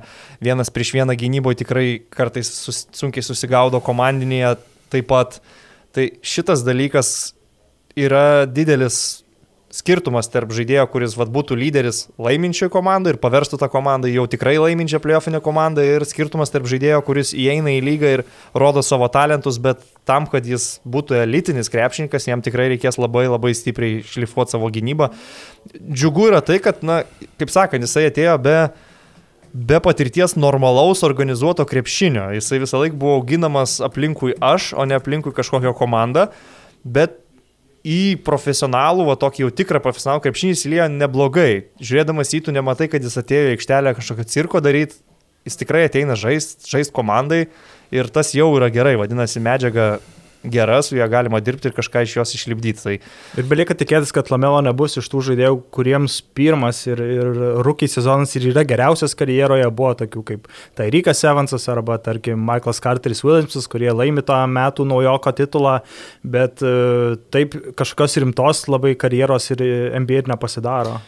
Faktas, kad jeigu tu kaip naujokas sužaidži labai gerus metus, į tave kitą sezoną truputėlį rimčiau pradeda visą lygą žiūrėti ir kitokį dėmesį gauni, tai matysim, kaip bus su Lamelo bolu. Aš tiesą sakant, šiai dienai, va, jeigu reikėtų rinktis jį ar, ar broli Lonzo, tai komanda vis tiek imčiau Lonzo bolo, vien jau dėl jo protingesnio, ramesnio krepšinio ir, ir gynybos. Bet jeigu taip kelt lubas, tai galbūt lamelo, lamelo bolo lubos yra aukščiau. Mano tokia nuomonė. Man kažkaip atrodo, kad net negalbūt, man atrodo, tikrai lamelo bolas už 3-4 metų tikrai bus geresnis žaidėjas negu Lonzo bolas kada nors bus. Nu, tikrai bus, aš nesakyčiau, aš sakyčiau, lubos yra aukščiau, bet daug niuansų ir klausimas, ar jis tas lubas pasieks. Tai jo, tai reikia tiesiog stebėti jo tobulėjimą. Man tiesiog atrodo, kad Lonzo lubos nėra tokios aukštos, kad Lamelo jų... Tai Lonzo gal kažkur prie savo pramušti. lubų jau ir beldžiasi. Taip, taip. Maždaug, bet jisai gan geras žaidėjas, normalus, patikimas, gerina po truputį tą savo metimą. Labai ne, ne, ne, keista ta jo iš, iš, išmetimo tai technika. Abiejų bet... šitų bolų. jo, jo, bet ne... nu, buvo tokių... Uh, Šonas Merinas, kažin, yra Hall of Fameris ar ne? Jeigu nėra, tai bus turbūt. Jo, atrodo, kad vertas o, o, pakvietimo iš Lovės muziejų, lygiai taip pat kaip Janis Blumas buvo pakviestas VTV, tai tikrai yra tų žaidėjų su netradicinė išmetimo technika, kurie vis tiek pasidaro labai gerą karjerą ir, ir daug pasiekia. Ir tau trumpas uh, klausimas kvizo. E, Lamela yra pirmas Šarlotės naujokas, pelnęs 30 taškų pirmame savo sezone nuo Kemba Walkerio? Ne. Žaidėjas, kuris bent jau man žymiai geriau žinomas yra iš Eurolygos, ne amerikietis. Ne amerikietis žymiai geriau žinomas iš Eurolygos, kaip naujokas metęs 30 taškų už Hornets. Taip, taip. O komanda tada jau vadinosi Hornets ar tiesiog Šarlotės komanda? Nes, o šito negaliu pasakyti. Nes gal koks primozas Brežėcas galėtų būti. Šarlotės Bobcat. Bobcat, tai Brežėcas žaidė Bobcat iš europiečių neįmetė turbūt 30, nors buvo užsidirbęs nemažą kontraktą vienu metu. Toks labai atletiškas žaidėjas, labai mėgdavęs paimti taip kamuolį vieną ranką, lejapinti ir arba grūst kamuolį į krepšį arba kaip nors dar stipriai, stipriai išsimest. Ir Man geriausiai žinomas iš Unikachos. Iš Unikachos ir ne amerikietis. Ne amerikietis, jo. Ai, nepasakysiu, žinok. Dabar. Pietų amerikietis. Pietų Amerika. Argentina, Brazilija. Nu, Walteris nebedys. Hermanas. Walteris Hermanas. A, jo, tiksliai. Žaidė, Fantastiškas žaidėjas. Žaidė Šarlotės Bobkės, atsimenu, taip tiesa, puikus krašto polėjas. Nors nėra man įsiminęs tiek daug savo dėjimais į krepšį, gal. Man kažkaip įsiminęs, kad prasiverždavo ir jeigu jau būdavo erdvės užsimot ir, ir, ir krauti krepšį, tai, tai ir kraudavo, bet kažkaip atsimenu, kad Unikahoje labai gerai atrodydavo. Tai tiek gal apie Charlotte's Hornets ir bendrai apie Lamelo bolą. Pritariu aš irgi, kad jisai atrodo kažkiek geriau nei tikėtasi, nors aš tik kitaip gal net žiūrėčiau, aš tikėjausi, kad jis rinksis statistiką, kad jam bus paranki komanda rinkti statistiką, kad jis ir talento tam turi pakankamai, bet galbūt nesitikėjau, kad Hornets patys bus konkurencingi. Galvojau, kad ateis, rinks skaičius, bet Hornets toliau turėtų trintis kažkur prie dugno, bet šiuo metu jie yra septinti rytų konferencijoje. Aš vis dar nemanau, kad jie pateks į playoffus, bet kovoja dėl to. Bet rytuose už, gali, gali užtekti, kad komanda nesurinks tos 36 pergalių uh, kiekio per nu, šį sezoną. Rytuose aštuntai vietai tikrai dažniausiai daug nereikia. Jo, ne, ne, nereiks 50 procentų. Bet jei turėtume omeny, kad tarkim prisikels ir pakils Miami Heat. Man atrodo, kai visi žaidėjai yra sveiki, geriau atrodo ir Atlantos Hawks, tai aš spėčiau, kad Knicks ir Hornets aštuntukė neturėtų išsilaikyti. Čia... Aš manau, kad viena iš tų komandų pateiks taigmeną okay. ir liks. Nu, čia toks spėjimas truputėlį į ateitį, o dabar dar pakalbėkime apie keletą kitų komandų. Uh, norėjau paminėti Phoenix'o Suns, nes pas, pastaruoju metu du savaitgalius iš eilės teko komentuoti jų rungtynes. Uh, komanda, aišku, priaugusi savo ambicijomis žaisti atkrintamosiose varžybose, pridėjusi prie jaunosios žvaigždės Devino Bukerio veteraną Krisą Polą, pridėjusi ir kitų neblogų žaidėjų, tokių kaip Jay Crowderis, patobulėję, atrodo, jaunieji krepšininkai, Bridgesas, Deandre Eitonas, aišku, komandos pagrindinis centras. Na ir dabar žiūrėjau jų mačius su Bostono Celtics ir taip pat su Philadelphia 76, su dviem rimtom rytų konferencijos komandom, abi nugalėjo. Eitonas galbūt su Embidu pats ir nesusitvarkė, bet labai gerų minučių davė Šaričius nuo suolo kildamas. Bet šiemet su Embidu niekas nesusitvarkė. Niekas nesusitvarko, tai čia taip nėra kažkas tokio. Esmė, kad susitvarkė su kitais žaidėjais, išgaudė jų sniperius. Benas Simonsas antroji pusė irgi buvo visiškai užgesintas ir iškovotos pergalės. Kuo man labai patiko Phoenix'o Sans, kai aš juos pasižiūrėjau, ir čia turbūt treneriui Monty Williamsui reikia atiduoti pagarbą, jie žaidžia šiek tiek tokio daugiau old school'o. Tai prasideda, aišku, nuo Kriso Polo, kuris yra vidutinio nuotolio metimų specialistas, bet esmė, kad jie visiškai ignoruoja tas naujausias madas, gal netiek sureikšmė ir tą analitiką, tą procentų žaidimą, kad pas juos nebūtinai yra metimas iš pokrepšio arba iš tritaškio zonos. Jeigu žaidėjas patogiau jaučiasi mesdamas iš vidutinio nuotolio, jis gali visas rungtynės atakuoti iš 3-4 metrų atstumo. Krisas Polas, Devinas Bucheris tai daro, bet lygiai taip pat tą patį daro ir priekinės linijos žaidėjai Dario Šaričius išeidamas į penktą poziciją. Tai malonu matyti tokią komandą, kuri va, reguliariajame sezone gerai žiūrisi, nes tai nėra vien tritaškių šau. Čia vienas dalykas, kitas dalykas, kad nu, su tokiu vad gynėjų tandemu Krisas Polas gal net ir kažko pamoko Devina Bukerį, matosi, kad Bukeris išmoksta labiau įtraukti komandos draugus, ne vien rinkti taškus rungtynėse. Potencialas tikrai nemenkas panašiai kaip Kristas Polas atėjęs Oklahoma prikėlė iki playoffų. Taip pat šiuo metu Tiems turbūt ke metams. kelia, nu vieniem metam, aišku, tai gal ir Phoenix'e vieniem metam, ne, negali žinot, bet tikrai pakėlė komandos lygį ir pakėlė Devino Bukerio lygį. Man Bukeris dabar, kai žiūriu, atrodo jau normali subrendų žvaigždė, kuri gali eiti žaisti playoffuose, nes prieš porą metų aš Bukerį mačiau tiesiog kaip reguliariojo sezono skorerį, ir tiek. Tai dabar tikrai įspūdis visai kitoks, nes pavyzdžiui, Sixeriai jam skiria milžinišką dėmesį gynyboje, prieš jį dažnai buvo statomas Benas Simonsas, jisai kantriai sugebėdavo prasiveršti kairę pusę iki galo, išvengdamas kažkokių neprotingų, sudėtingų metimų, blogų sprendimų, labai gerai. Jis yra vienas geriausių lygos gynėjų. Įspūdingas gynėjas, vienas prieš vieną. Atsiprašau. Vienas prieš vieną, jeigu jis prieš tavęs atsistoja ir ištiesia tas rankas, tai čia bet kuriam gynėjui su kamoliu yra nu, beveik neįmanoma žaisti vienas prieš vieną. Jo, Bukeriui gali būti, kad paskutinis pusmetis yra tas persilaužimo iš, iš perspektyvaus žaidėjo į žiauriai gerą, į tą All- All-Staro, Superstaro lygį, nes kaip jie atrodė burbule, Phoenixas nors ir laimėjo visas aštuonias rungtynės, bet vis tiek į playoffus nepateko. Tai buvo keliamas klausimas, tai kam jūs iš vis reikėjo kviesti į burbulą, jeigu net ir viską laimėjo, jie vis tiek nepateko į, į playoffus, bet ten Bukeris metė svarbius metimus, prieš Clipperius pate- pataikė buzzer beaterį praėjusią savaitę prieš, prieš Dalusą, paskutiniam sekundėm įmetė tritaškį lėmus į pergalę, tai atrodo, kad jisai subrendo tai, e, tai roliai. Kristus Polas tikrai duoda jam patarimų, akivaizdu, kad e, pasėmė Kristus Polas tą antro žaidėjo statusą, jisai šiek, šiek tiek atsitraukė, jis e, nenori būti tas komandos lyderis, jis, jis, jis dalina patarimus, jisai padeda komandoms draugams Nu, priimti tiek gerus sprendimus. kiek 18 ar 8, kažkas tokio, taškai rezultatyvus perdavimai. Tai vis Jo. rimta.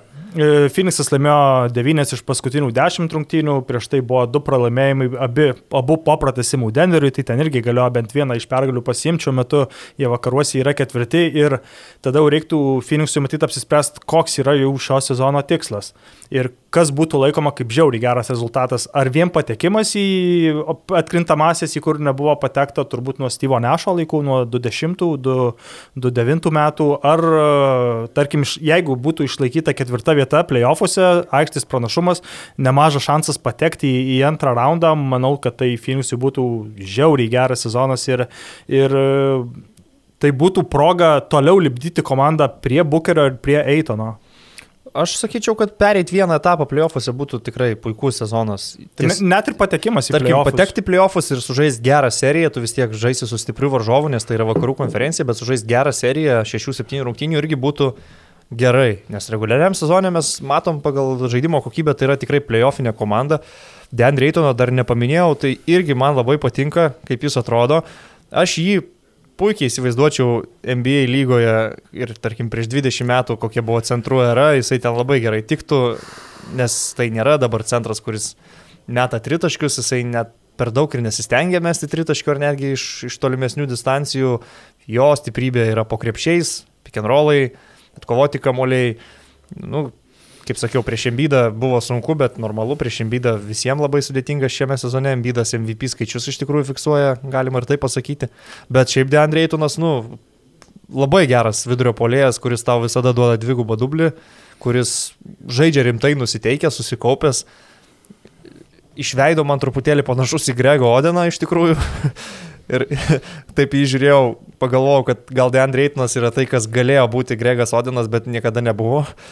Tai tokias va mintis apie Phoenixą maloniai nesakyčiau, kad stebinanti, nes jau kai sudėtis susikomplektavo, matėsi, kad tai yra gera komanda, bet malonų įspūdį savo žaidimu paliekantį komandą, sakyčiau taip. Ir Devinas Bucheris žaidžia jau, jei neklystu, penktą sezoną, dar nėra turėjęs jokių playoffų patirties. Kol kas jis yra tiesiog žaidėjas, kuris yra įmetęs 70 taškų per vienas rungtynės. Tai... jo, jo, prieš Bostoną. Čia jo karjeros tada... highlightas kol kas. Jo, ir e, keista buvo, kad žaidėjas net ir niekada nežaidęs playoffuose, visada baig, baigdamas, kari, baigdamas e, sezoną ties, ties tuo balandžio rungtynėm niekada nežaidė. Pavyzdžiui, visada atsisakydavo žaisti už žingsnę, jis visada ties kažkuo tobulėja, visada kažko užsiemęs, tai man kažkaip būdavo keista, kad tai jeigu tu nepatenki į playoffus, tu akivaizdu, kad sezono metu nepervargsi, tai kodėl tu negali sužaisti, pavyzdžiui, 2.19 su žingsnė. Tiesiog. Tai jo, gali būti, bet e, dažnai tie žaidėjai, kurie suždžia už rinktinę, JAV vėliau atvažiuoja jau pasiruošę sezonui ir turi iš karto labai gerą sezoną. Bet čia tokie NBA. de debatai, tema ne, ne kas geriau, ar tau skirti visą laiką individualiam pasirašymui ir, ir įgūdžių kažkokių tobulinimui, ar važiuoti į rinktinę žaisti su komanda, laikyti tą žaidybinį ritmą. Tai... Jo, bet yra truputį skirtumas tarp Europos rinktinių, kur tu žaisdamas net ir Europos čempionate turėsi tą rimtą, rimtą testą e, turnyrę, o amerikiečiai iš esmės susirenka kartą ar du kartus į per keturis, per penkis metus, tai vis tiek tų laisvų vasarų tikrai pilna. Bet yra daug amerikiečių žaidėjų, kuriems tiesiog neįdomu nacionalinė rinktinė, kažkada Reižinas Rondo žaidė rinktinėje, atrankoje, netrankoje pasiruošime gal pasaulio čempionatų, net prieš Lietuvos rinktinę kontrolinės rungtynėse žaidė. Bet tada pats pasišalino iš stovyklos, motivuodamas tuo, kad jam neįdomu ir jis nenori žaisti tam turnyrė ir nenori aukoti vasaros. Tai tiesiog amerikiečių, aš manau, yra daug tokių žaidėjų panašiai mąstančių ir Devinas Bukeris šito vietoje neišskirtinis.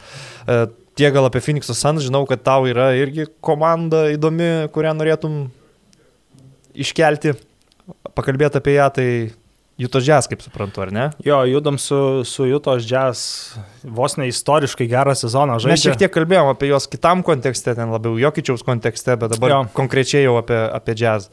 Uh, tai Jutos Jazz pirmauja karuose, pirmauja visoje lygoje, turi geriausius visus uh, tuos statistinius uh, atributus, yra viena geriausiai puolančių lygos komandų, yra viena geriausiai besiginančių lygos komandų, turi labai lygią sudėtį tiek nuo suolo, tiek ir startiniam penkete.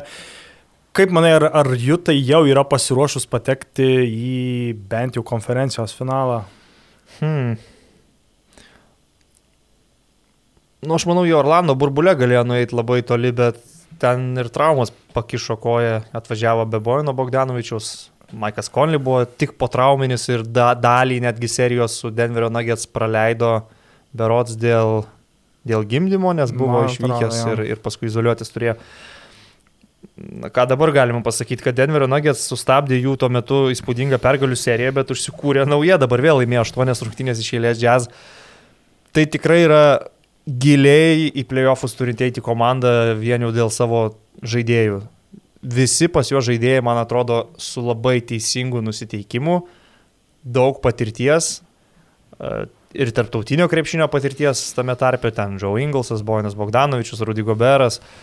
Donovanas Mitčelas, man atrodo, idealus jaunas komandos lyderis, nes jis labai atrodo stipriai susi, susifokusavęs į krepšinį, irgi turi kažkiek tokio old schoolinio mentaliteto, kad jis reguliariam sezonė žaidžia rimtai, nesitaupo, prie jo gerai tinka kažkada netgi geriausių komandos draugų išrinktas Maikas Conley, akivaizdu, kad su juo žaisti yra vienas malonumas ir komanda labai gerai apstatyta pagal trenerio sistemą. Quinui Snyderiui reikia universalių krašto polėjų, kurie gali mesti tritaškius ir gali gintis per daug pozicijų. Ir tu apsistatai tuomet Joe Inglesu, Bogdanovičium, Roysu, Onylu. Labai gerai tada lipdosi visa, visa gynyba. Plus tu turi turbūt geriausia lygoje rim protektorių Rudy Gobert, ar ne, kuriam pasitaiko nemalonės akistatos su Nikolo Jokičiumi labai neparankios ir jų negali išvengti vakarų konferencijų ir realu, kad tau playoffuose reikės irgi turėti šitą dvikovą. Ne, ne, nelengva jam turbūt kaip ir visiems prieš ten Joelį Embidą sužais, bet playoffuose tu to Joelio Embido nematysi. Turbūt tai, ne. Tai, ja. Šiaip Goberą NBA e, analist, e, analitikai vadina net ne rim protektorių, bet paint protektorių. Jo, jis dengia visą būdos aikštelę. Teisingai, taip ir yra labai geras patikslinimas. Tai tu turi visus instrumentus iš tikrųjų, kad laimėtum, kad playoffuose išeitum iki vakarų konferencijos finalo. Uh, Ar jie galėtų serijoje įveikti visiškai sveiką Lakers? Nemanau. Nu, vis tiek Lebronas Džeimsas įsijungęs savo playoffų režimą su Anthony Davisu ir dar visais kitais, kuriuos jie turi. Manyčiau, kad Jutos Džes žaistų gerą šešių rungtinių seriją ir tiek, bet tikrai, atsakant į klausimą, aš juos matyčiau vakarų konferencijos finale. Puikia komanda, viskas yra talentas, patirtis, gynyba, protingas treneris, gera sistema, viską turi.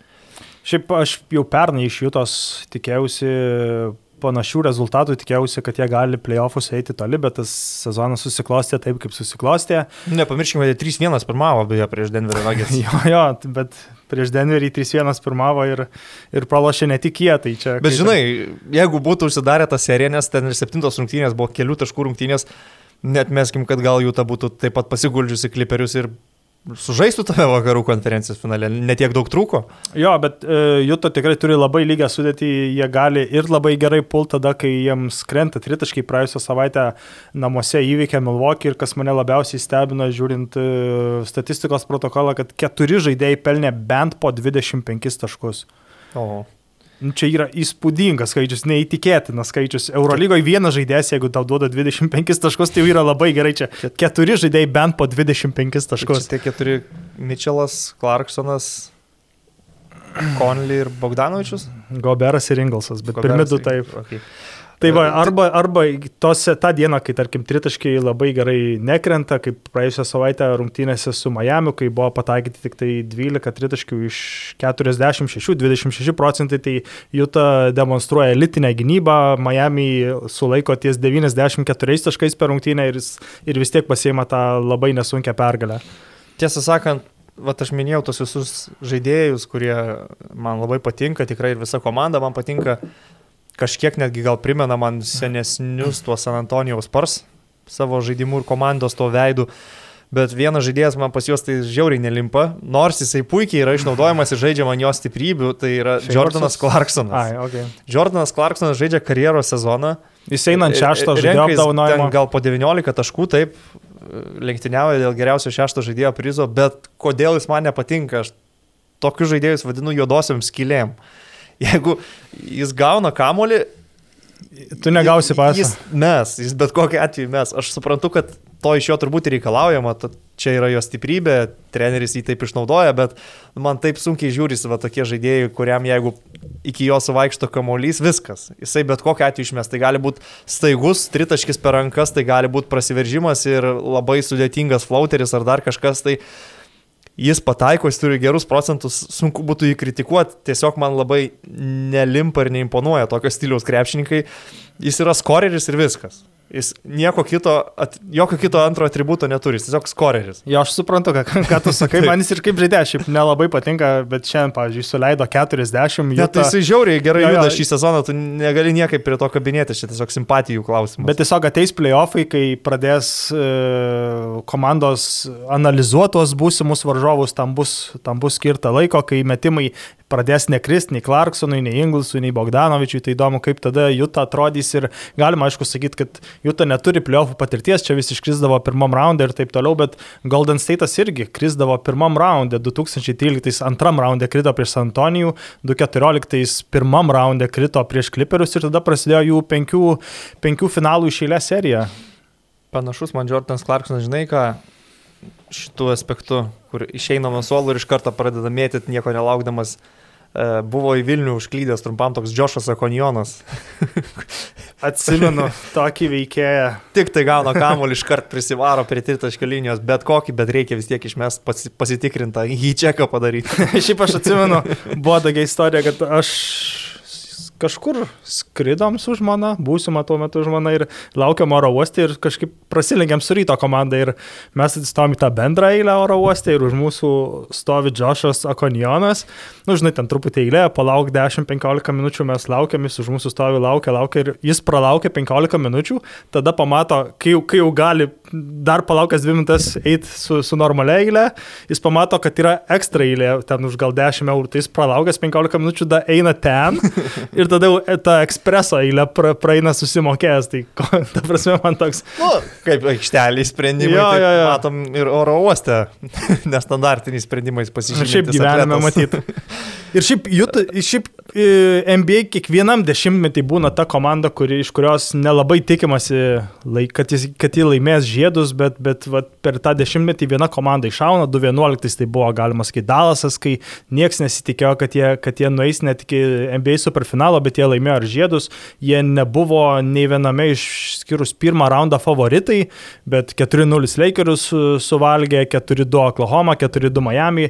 E, pirmame šio amžiaus dešimtmetyje galima sakyti, kad tai buvo Detroitas, iš kurio irgi nelabai kas tikėjosi žiedų, bet jie laimėjo žiedus, kitais metais net iki septintų rungtynių su San Antonijum nuėjo, tai galima sakyti, kad buvo per vienas rungtynės iki, iki antro žiedo ir 90, 90-aisiais aš galvoju, kuri komanda tai galėjo būti ir galbūt tai buvo San Antonijus 99-ais, sutrumpintam sezone, kai Timas Dankanas mhm. dar, dar buvo tik tai antrametis, Davidas Robinsonas jau buvo pragyvenęs tą savo e, karjeros piką, tai man atrodo, kad kiekvienam dešimtmetį tiesiog būna ta komanda ir Juta, jeigu ne šitį, gal kitą sezoną, gali būti ta komanda šiame dešimtmetyje. Jo, priminėjai tą San Antonijaus komandą ir finalas, finalas, finalas ten... su New Yorko Knicks. Avery Johnsonas, kuris šiaip įžaidėjas toks bemetimo mažylis, vėliau treniravęs Dallaso Mavericks, mm -hmm. įmetė esminį tritaškį, kuris uždarė rungtynės ir uždarė visą finalo seriją. Tai tą epizodą pas, prisimenu, o, o šiaip dėl Jūtos reikia pasakyti tai, kad jie pakankamai tyliai formavo puikią komandą, kol visas triukšmas ėjo aplink tai, kad ten Kawhi Leonardas vienijasi su Paulu Džordžu, kad Lebronas Jamesas renkasi Los Andželą, kad Anthony Davisas atskrenda pas Lebroną. Čia dar taip, už praeitą vasarą. Ramiai prideda Maiką Conley, ramiai prideda Bojaną Bogdanovičių. Puikius žaidėjus, bet apie tai mažiau rašoma, tai mažiau patenka į antraštės, bet jie prieš tai jau turėdami pakankamai gerą komandą su Mitchellu, su su Inglesu, su Goberu, pasipildavo tokiais nu, puikiais veteranais kaip Bogdanovičius ir Maikas Conley. Turi gilę sudėti, gerą rotaciją, stiprų suolą. Man vienintelis dalykas, ko pas juos trūksta, tai kitokio small ballų labiau tinkančio penkto numerio, kuris galėtų keisti Rudy Goberą ir žaisti kitas situacijas. E, nes, na, Derikas Favorsas, jis, man atrodo, per nelik daug trūkumų turinti žaidėjas. Aš suprantu, kad į antro centro vietą sunku rasti kažkokį idealų variantą, bet Derikas Favorsas man netrodo labai jau toks geras vidurio polėjas, keičiasi Goberai, išeina, iš, išeina sužai savo atkarpų, bet aš galvoju, idealiu atveju, jeigu jie dar turėtų, nežinau, kokį PJ Tuckerį, kurį galėtų statytis į penktą poziciją, žais mažų penketų, kur visi viską keičiasi, tai būtų iš vis kosmosas. Tai jau tai matant, kad šis sezonas yra tas, kai reikia stumti visus savo čipsus į priekį, tai artėjant mainų, mainų deadline'ui, galbūt dar jo, jo, išmainys gal jo. ateities uh, naujokų biržos šaukimus į, į kažkurį vat, tą žaidėją, kuris galėtų keisti jo. Goberą vietoj Favors. Bus dar tikrai judėjimo NBA lygoje, sek, sekti reikia tas naujienas, kad kažkokie gal ir veteranai dar užsilikę laisvų agentų rinkui prisijungs man, prie, prie playoffinių komandų. Man atrodo, kad tas mainų deadline'as gal net iki gegužės pratestas šiemet. Tai dar. Nežinau, nežinau tikslios datos, bet yra žaidėjų, kurie gal patys nori tų mainų ir, ir tikisi, kad kuo greičiau sudirbs agent, agentai. Ir, yra žaidėjai, kuriuos jau išmainė Derikas Rauzas, vėl pas trenerį Tomą Tibudovą atsidūrė šį, šį kartą New Yorko Knicks komandoje. E, man atrodo, kad užtenka šį kartą apie NBA, dar yra kelios komandos, apie kurias norėčiau pakalbėti, bet pasiliekam tiesiog kitai savaitė, nes šita informacija nepasensta, jinai ir po savaitės lieka aktuali, nes reguliarus sezonas ilgas.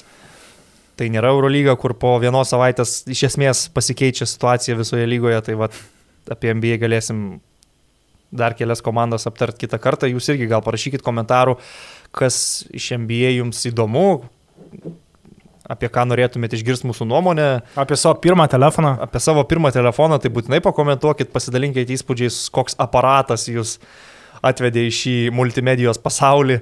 Tai lauksim jūsų komentarų, ačiū, kad klausotės, ačiū, kad žiūrite, ačiū visiems Basket News patronams. Dar kartą sveikinu visus su vasario 16 ir iki kitų kartų. Viso.